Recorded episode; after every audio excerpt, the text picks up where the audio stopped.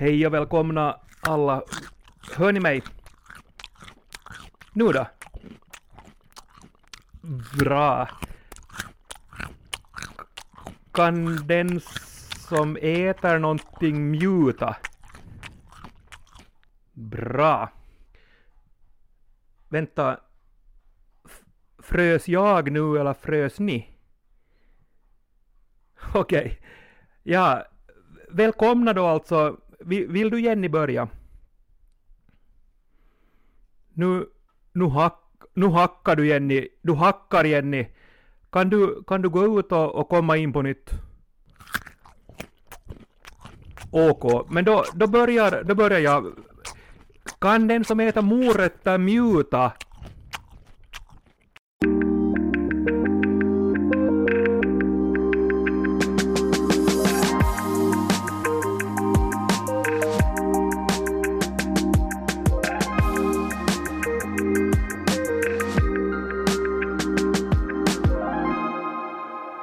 Sista ordet är tillbaka med mig, Jens Berg, och språkexperten Jenny Silvin. Hej!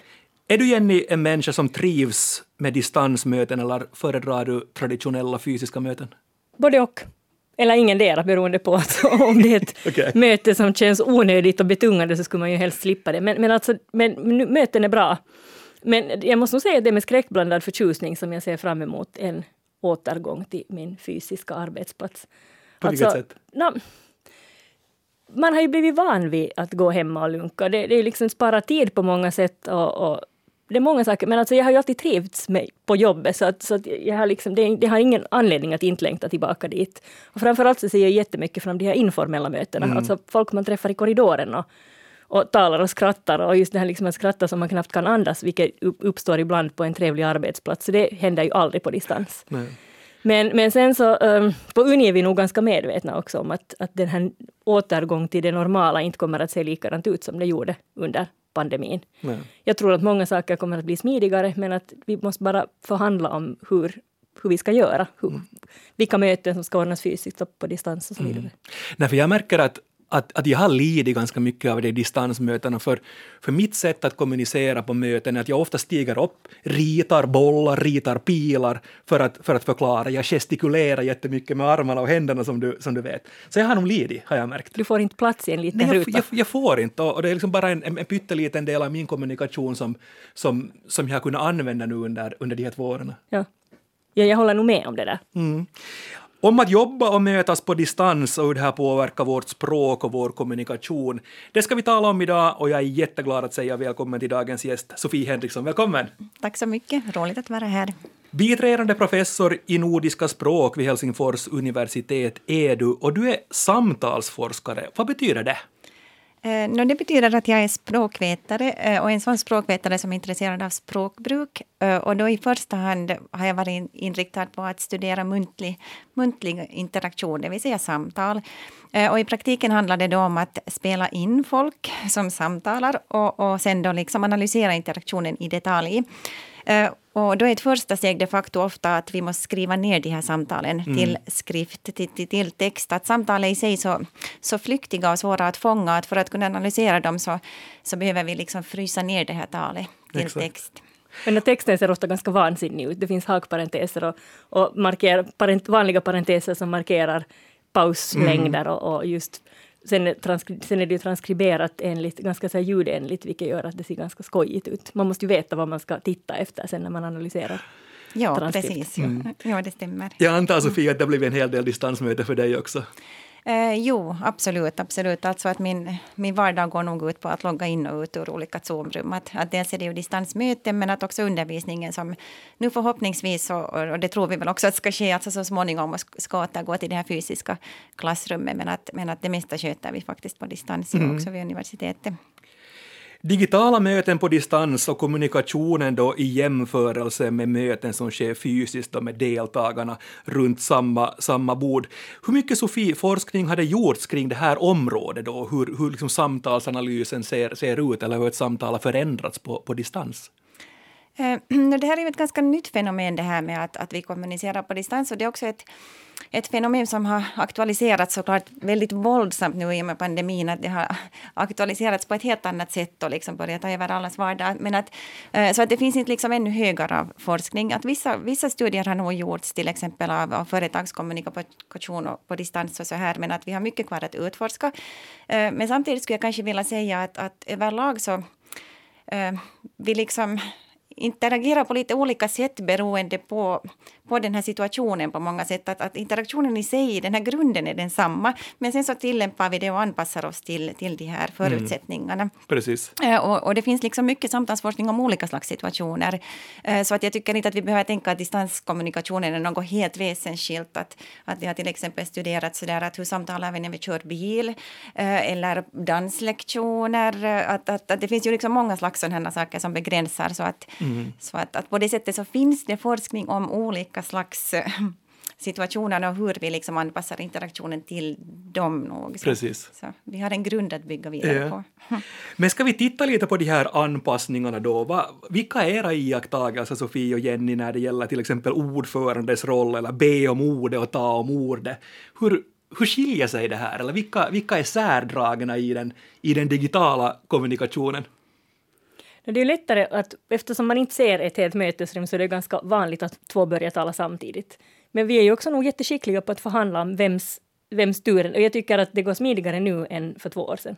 Att när folk mm. började tala med varandra så var det ganska snabbt att ena backar så börjar du och sen, sen började den andra. Det var liksom inte så onödigt krusande. Man, man ägnar inte tid åt att förhandla om vems turen är. För att den där tiden, den där fördröjningen blir längre på distans och då är vi inte vana vid den, då hugger vi tag. Ja, och sen ser vi ju som sagt inte liksom, man sitter inte runt ett och samma mötesrum där det är lätt att liksom pejla, man ser, man ser på någon att nu är den på väg att säga Nej. någonting, Nej. till exempel.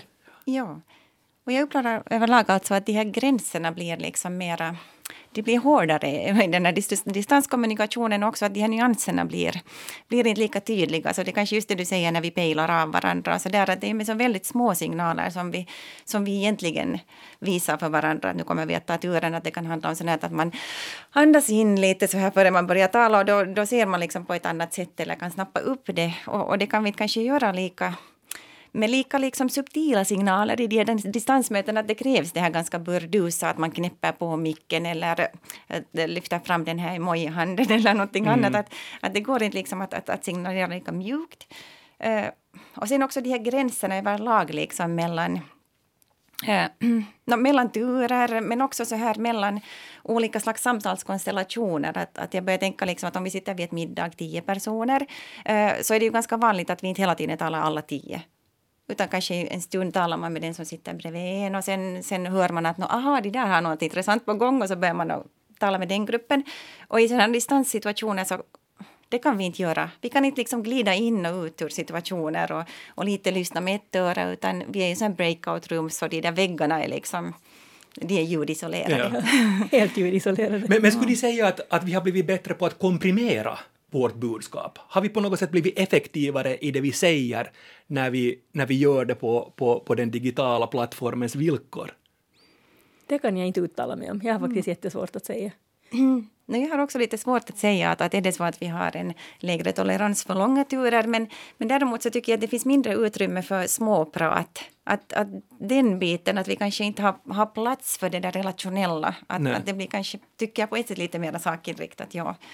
Men... Och så händer det ju roliga saker. Jag vet inte om ni har varit med om roliga saker under distansmöten, men jag ska berätta, berätta en anekdot. Det var ett ganska seriöst sammanhang och det var en, det var en professor från, från Norge som höll en föreläsning på en, eh, på en digital konferens, på ett webbinarium. Och, och hon höll på att pilla med sin bakgrundsbild och så, och så fick hon musöron på sig och berättade någonting jätte, jätteseriöst. Hon fick inte bort de där öronen och det blev ju förstås ganska komiskt. Det var väl någon sån här domstolsman i USA också som var vars barnbarn hade satt kattöron på honom som man inte heller fick bort. Ja, jag kommer ihåg den också. Jag har en kollega som berättade att hon hade undervisat mustascher ett bra tag innan någon var snäll nog eller vågade säga liksom att ursäkta läraren men har du något konstigt på ansiktet? Mm. Men vad skulle ni säga, Sofie och Jenny, om kommunikationsstilar? För vi är ju olika sådär i grund och botten när vi kommunicerar. Jag, jag sa redan att jag är en sån som tycker om att, att rita bollar och rita pilar och stiga upp och gestikulera och sådär. Ser ni, ser ni grejer här? Är det någon kommunikationsstil som har vunnit på distansmöten eller någon som har förlorat extra mycket på att ha, att ha just den här dimensionen enbart av kommunikation? Jag tänker så lite i såna här visuella bilder själv. så jag, jag ursäkta. Det ibland, alltså när folk ritar några figurer så brukar jag inte fatta dem. Bara så du vet Jens. Och det säger du nu efter flera år. men, men, men om någon samtidigt förklarar vad det rör sig om. Men jag tycker tyck, liksom, det där, det där, den där aspekten är helt bort... Det pärlor försvinner när det gäller mig. Men, men jag vet att många andra funkar i, i figurer. Mm. Har, du, har du tänkt på någon vinnande strategi?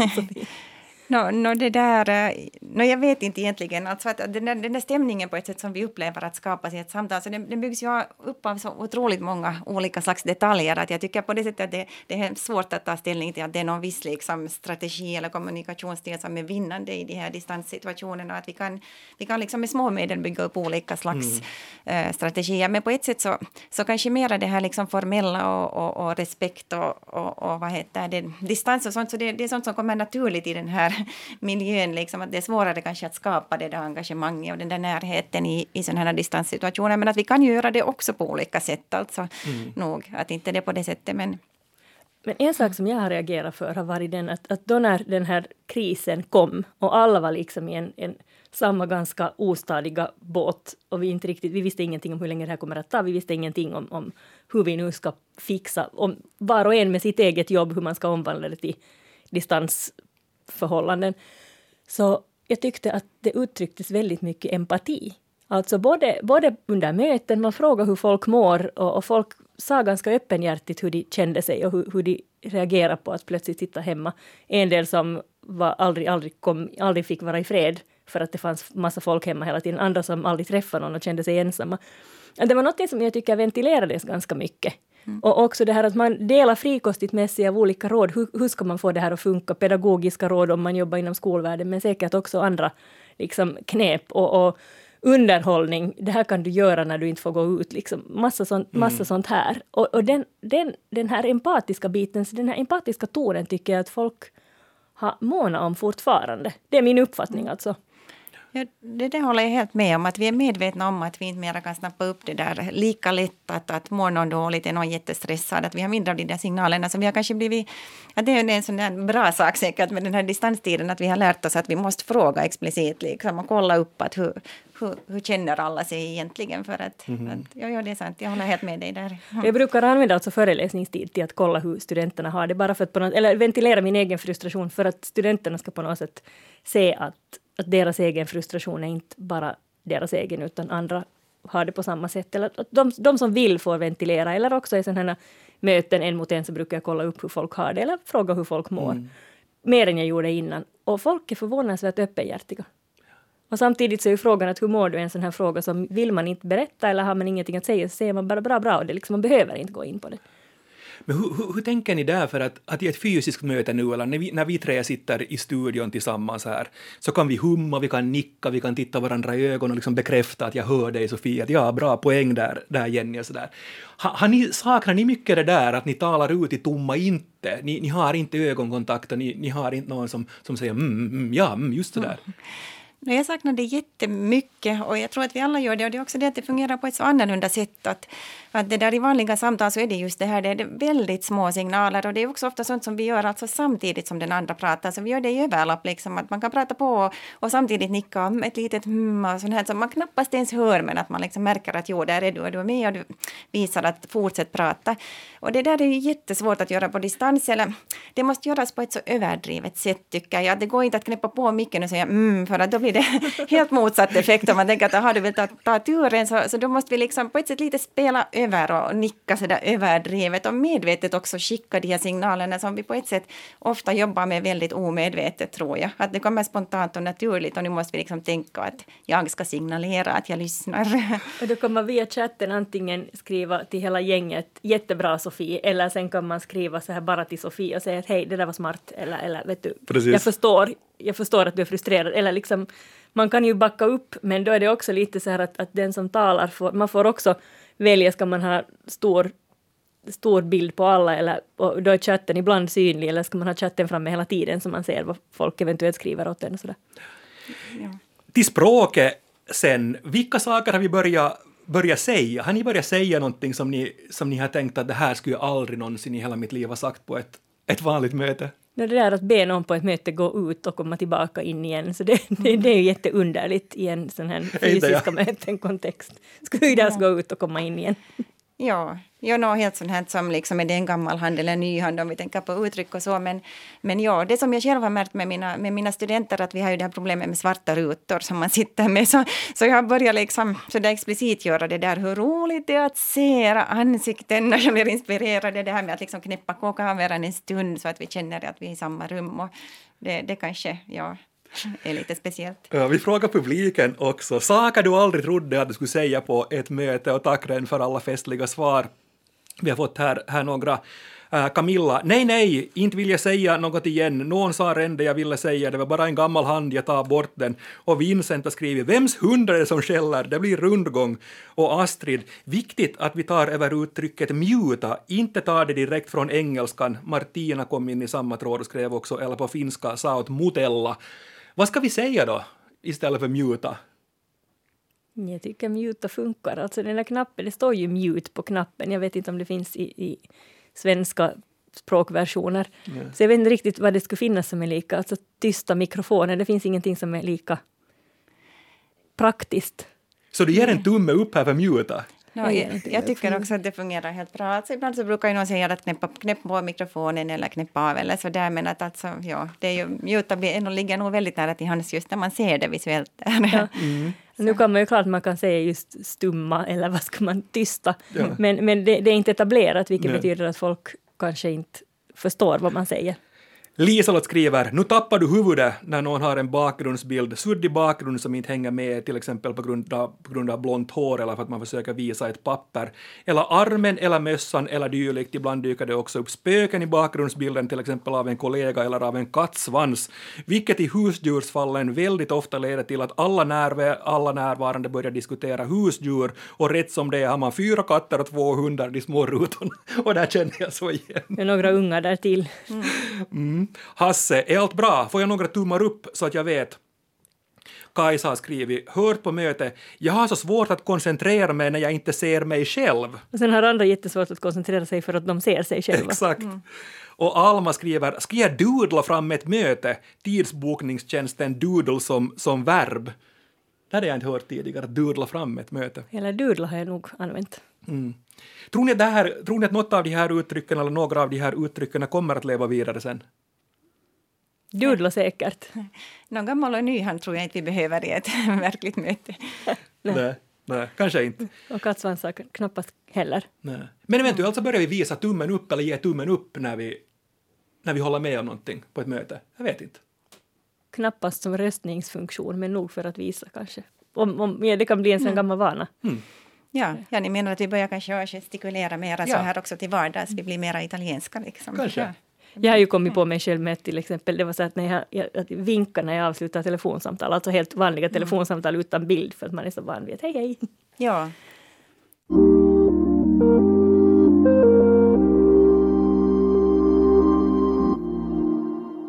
Jag läste en intressant artikel då Linda Vidar, forskare vid Högskolan i Gävle, hon började ganska tidigt undersöka arbetsmiljöaspekter vid distansarbete efter då att coronan bröt ut här för, för, för cirka två år sedan. Och, och, och hennes och, och kollegornas resultat från, från Högskolan i Gävle så är ganska intressanta. För, för, för de kom så här ungefärligen till att, att de som jobbar över 60 procent på distans så upplevde mera stress, organisatoriska otydligheter och konflikter då i jämförelse med sådana som, som jobbar på distans då och då. Och, och enligt Linda och hennes forskarkollegor så var orsaken bristen på kommunikation med chefen. Alltså att man, att man upplevde att det var någonting otydligt i kommunikationen med chefen, man visste inte riktigt vad som förväntade sig av en. Vilka iakttagelser har ni där när det gäller chefens roll i distanskommunikationen? nu jobbar jag alltså vid en organisation där vi är så där väldigt självgående så att jag, jag tror inte att jag har så jättemycket tankar om, om det där med, med chefskap. Men att det är klart att det där att man kan gå och knacka på, på chefens dörr liksom i korridoren så här, så det är ju någonting som jag i alla fall saknar väldigt mycket. Jag har väldigt goda erfarenheter, men jag jobbar ju inom en liknande eller samma organisation som Sofie, det vill säga självgående personer som man vet, jag har nog haft väldigt mycket stöd av min chef, det har jag. Och just via chattfunktionen, man kan liksom skicka iväg små ärenden via chatt och sen finns det då mera officiella kanaler för längre ärenden och sen då små träffar och möten. Jag, jag tycker att min chef har varit väldigt tillgänglig mm. och stöttande. Men, men det är klart att nu kan ju en, en chef som just vill signalera sin tillgänglighet, man måste vara försiktig så att det inte uppfattas som att det blir någon sorts kontroll, utan snarare ja, just exakt. stöd. Ja, för det är ju det där någonstans, balansen mellan stöd och kontroll, som blir utmaningen. Om, om, du, är en, om du är en chef som i, som i vanliga fall kanske inte ringer, utan just en sån som, som du sa, Sofia, går in bara och knackar, knackar på dörren sådär och, och kollar lite. Om, om den chefen börjar ringa mitt i allt så kan det kanske upplevas också för, för medarbetaren på det sättet att ah, nu, nu, nu vill Jens kontrollera att jag faktiskt jobbar här och inte, och inte sitter och drischar någonstans. Och det där blir ju en utmaning sen, att hur, hur gör du som som, som ledare i, i, ett, i ett sånt sammanhang. Och min chef är nog, har varit trevlig nog med att just i vissa sammanhang kunna erkänna att hon själv sitter och drischar. Sa till exempel att jag, jag fuskade lite på jobbet i morse och läste ut den här boken som jag varmt rekommenderar till exempel. Och då inser man att, att hon utnyttjar de här distansjobbsmöjligheterna på samma sätt som alla andra. Att ibland jobbar man intensivt och sen tar man det lite lugnare ibland. Mm. Men vi går in på det där att vad, vad, vad vi tappar tappar med kommunikationen. Vi var lite, lite grann inne, inne på, det, på det men vad skulle ni säga sådär annars? Vilka är de största grejerna som vi, som vi förlorar i en, i en kommunikation via en, via en dataskärm? Jag är lite rädd för att personer som är tystlåtna kanske inte kommer till tals, alltså kommer ännu mindre till tals i sådana här just stora alltså distansmöten. Där tycker jag nog att breakout-rummen har en ganska bra funktion. Om det är meningen att nu ska vi liksom jobba med någonting, vi ska, vi ska lösa ett problem, hitta på ett sätt att ordna någonting. Och då tror jag att de här breakout-rummen kan vara en ganska bra idé mm. för, att, för att också mera lågmälda, lågmälda reserverade personer ska komma till tals. Så du tänker att skillnaden mellan en extrovert och en introvert blir ännu större? Eller du har en sån teori att den blir ännu större i ett på ett distansmöte än, än om man fysiskt sitter runt samma, samma bord. Ja, om man annars också drar sig för att uttala sig, eller liksom bara tycker, ja, så, så uh, kanske man, det är ett större steg mm. att be om ord eller koppla på micken.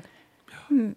Jag tänker egentligen att vi allra mest förlorar nyanserna, som, som jag lite var inne på, att det, där, att det, att det blir liksom mera grovt och det blir mera fyrkantigt. Att, att vi kommunicerar på så, med så många olika kanaler. Att, att vi, vi liksom har helt enkelt en snävare verktygsback i det här distansandet.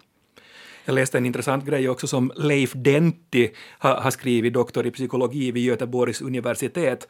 Och han har forskat också då i, i, i kommunikation vid distansarbete. Och en del av hans rön är ganska spännande också, för han säger att vi tappar i kreativitet och innovation. För att det är de här spontana mötena med, arbet, liksom med medarbetare, till exempel man går efter en kopp kaffe eller går på toan och sådär. Att det är då de här nya grejerna föds. Mm. Att, att ja, vet du, att jag var där och jag hörde det här och jag läste den här boken och så kommer man att tänka ja, just då det vi där. skulle kunna. Ja, visst, precis. Mm. Och, och, och det här förlorar man, menar då Leif Denti, under ett distansarbete, att det blir någon sån form av professionell isolering och en, någon form av stagnation i, i mm. utvecklingen. Och det här känner jag igen, mm. att det blir så med distansmöten och distanskommunikation, att det blir just det här, Sofie, som du säger, det här fyrkantiga mm. lite grann.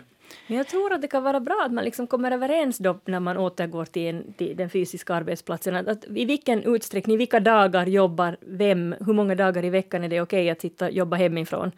Och jag menar just det här att man ordnar sitt liv då så att, att då, då samlar man de arbetsuppgifter man sköter lättast hemma och gör dem då måndag och tisdag och sen är man på kontoret slutet av veckan eller mm. att man har mötestider då folk vet att det här är ett fysiskt möte.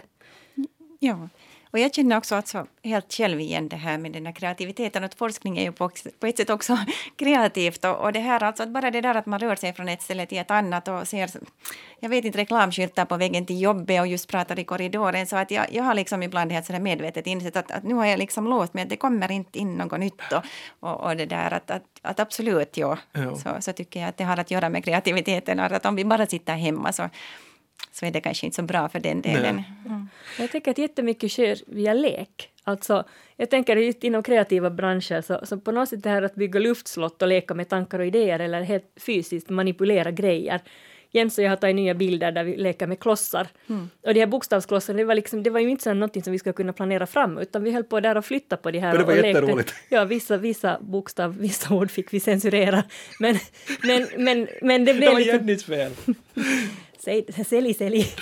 Nej, men, men i alla fall, jag menar, jag tänker sånt här att just reklambranschen, eh, film, teater, det här är ju sånt helt självklart som kräver på något sätt fysiska möten. Det sista jag tänkte vi skulle, vi skulle tala om, så att, att vad tar vi med oss, tror ni, från, från tillvaron på, på distans? Är det någonting i det, i det nya normala som är, som är någonting som vi vill plocka med oss därifrån? Jag uppskattar jättemycket att eh, vi får veta före möten, är det här ett sitta framför skärmmöte eller är det här ett promenadmöte?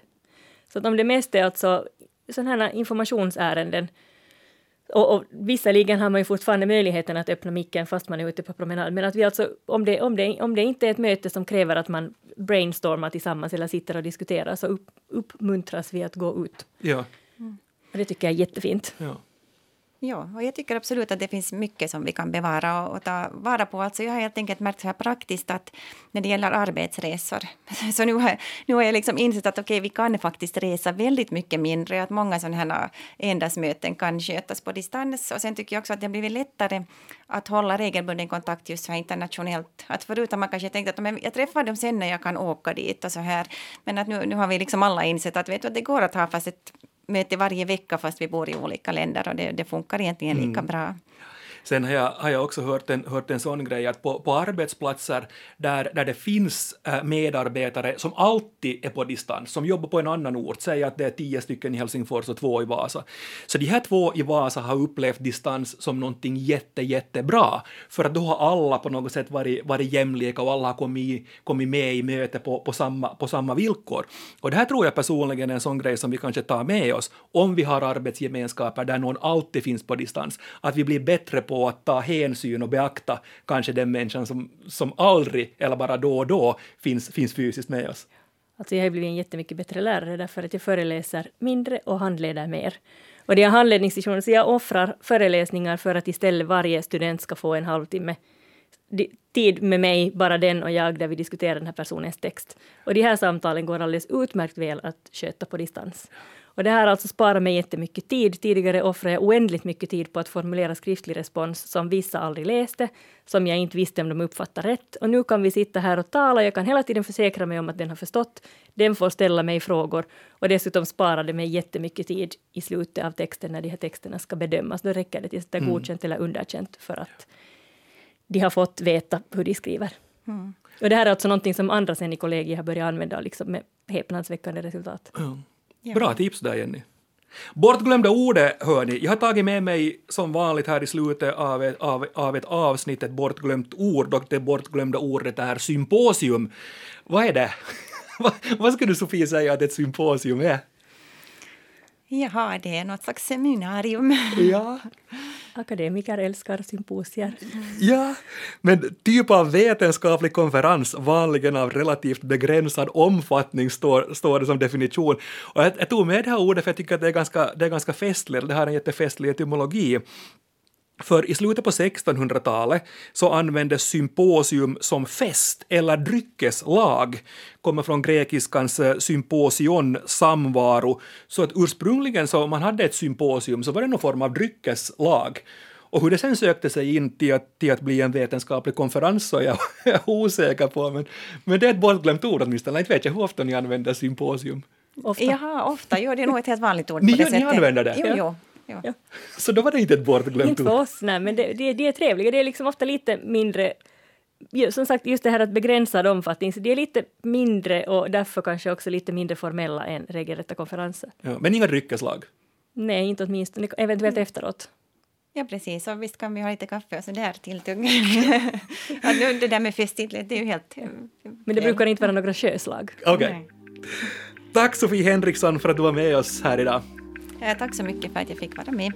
Och tack hör ni också för alla festliga kommentarer om distansspråk. Fortsätt gärna att skriva till oss på adressen nastsistaordet yle.fi. Men nu för den veckan säger Jenny och Jens morgens!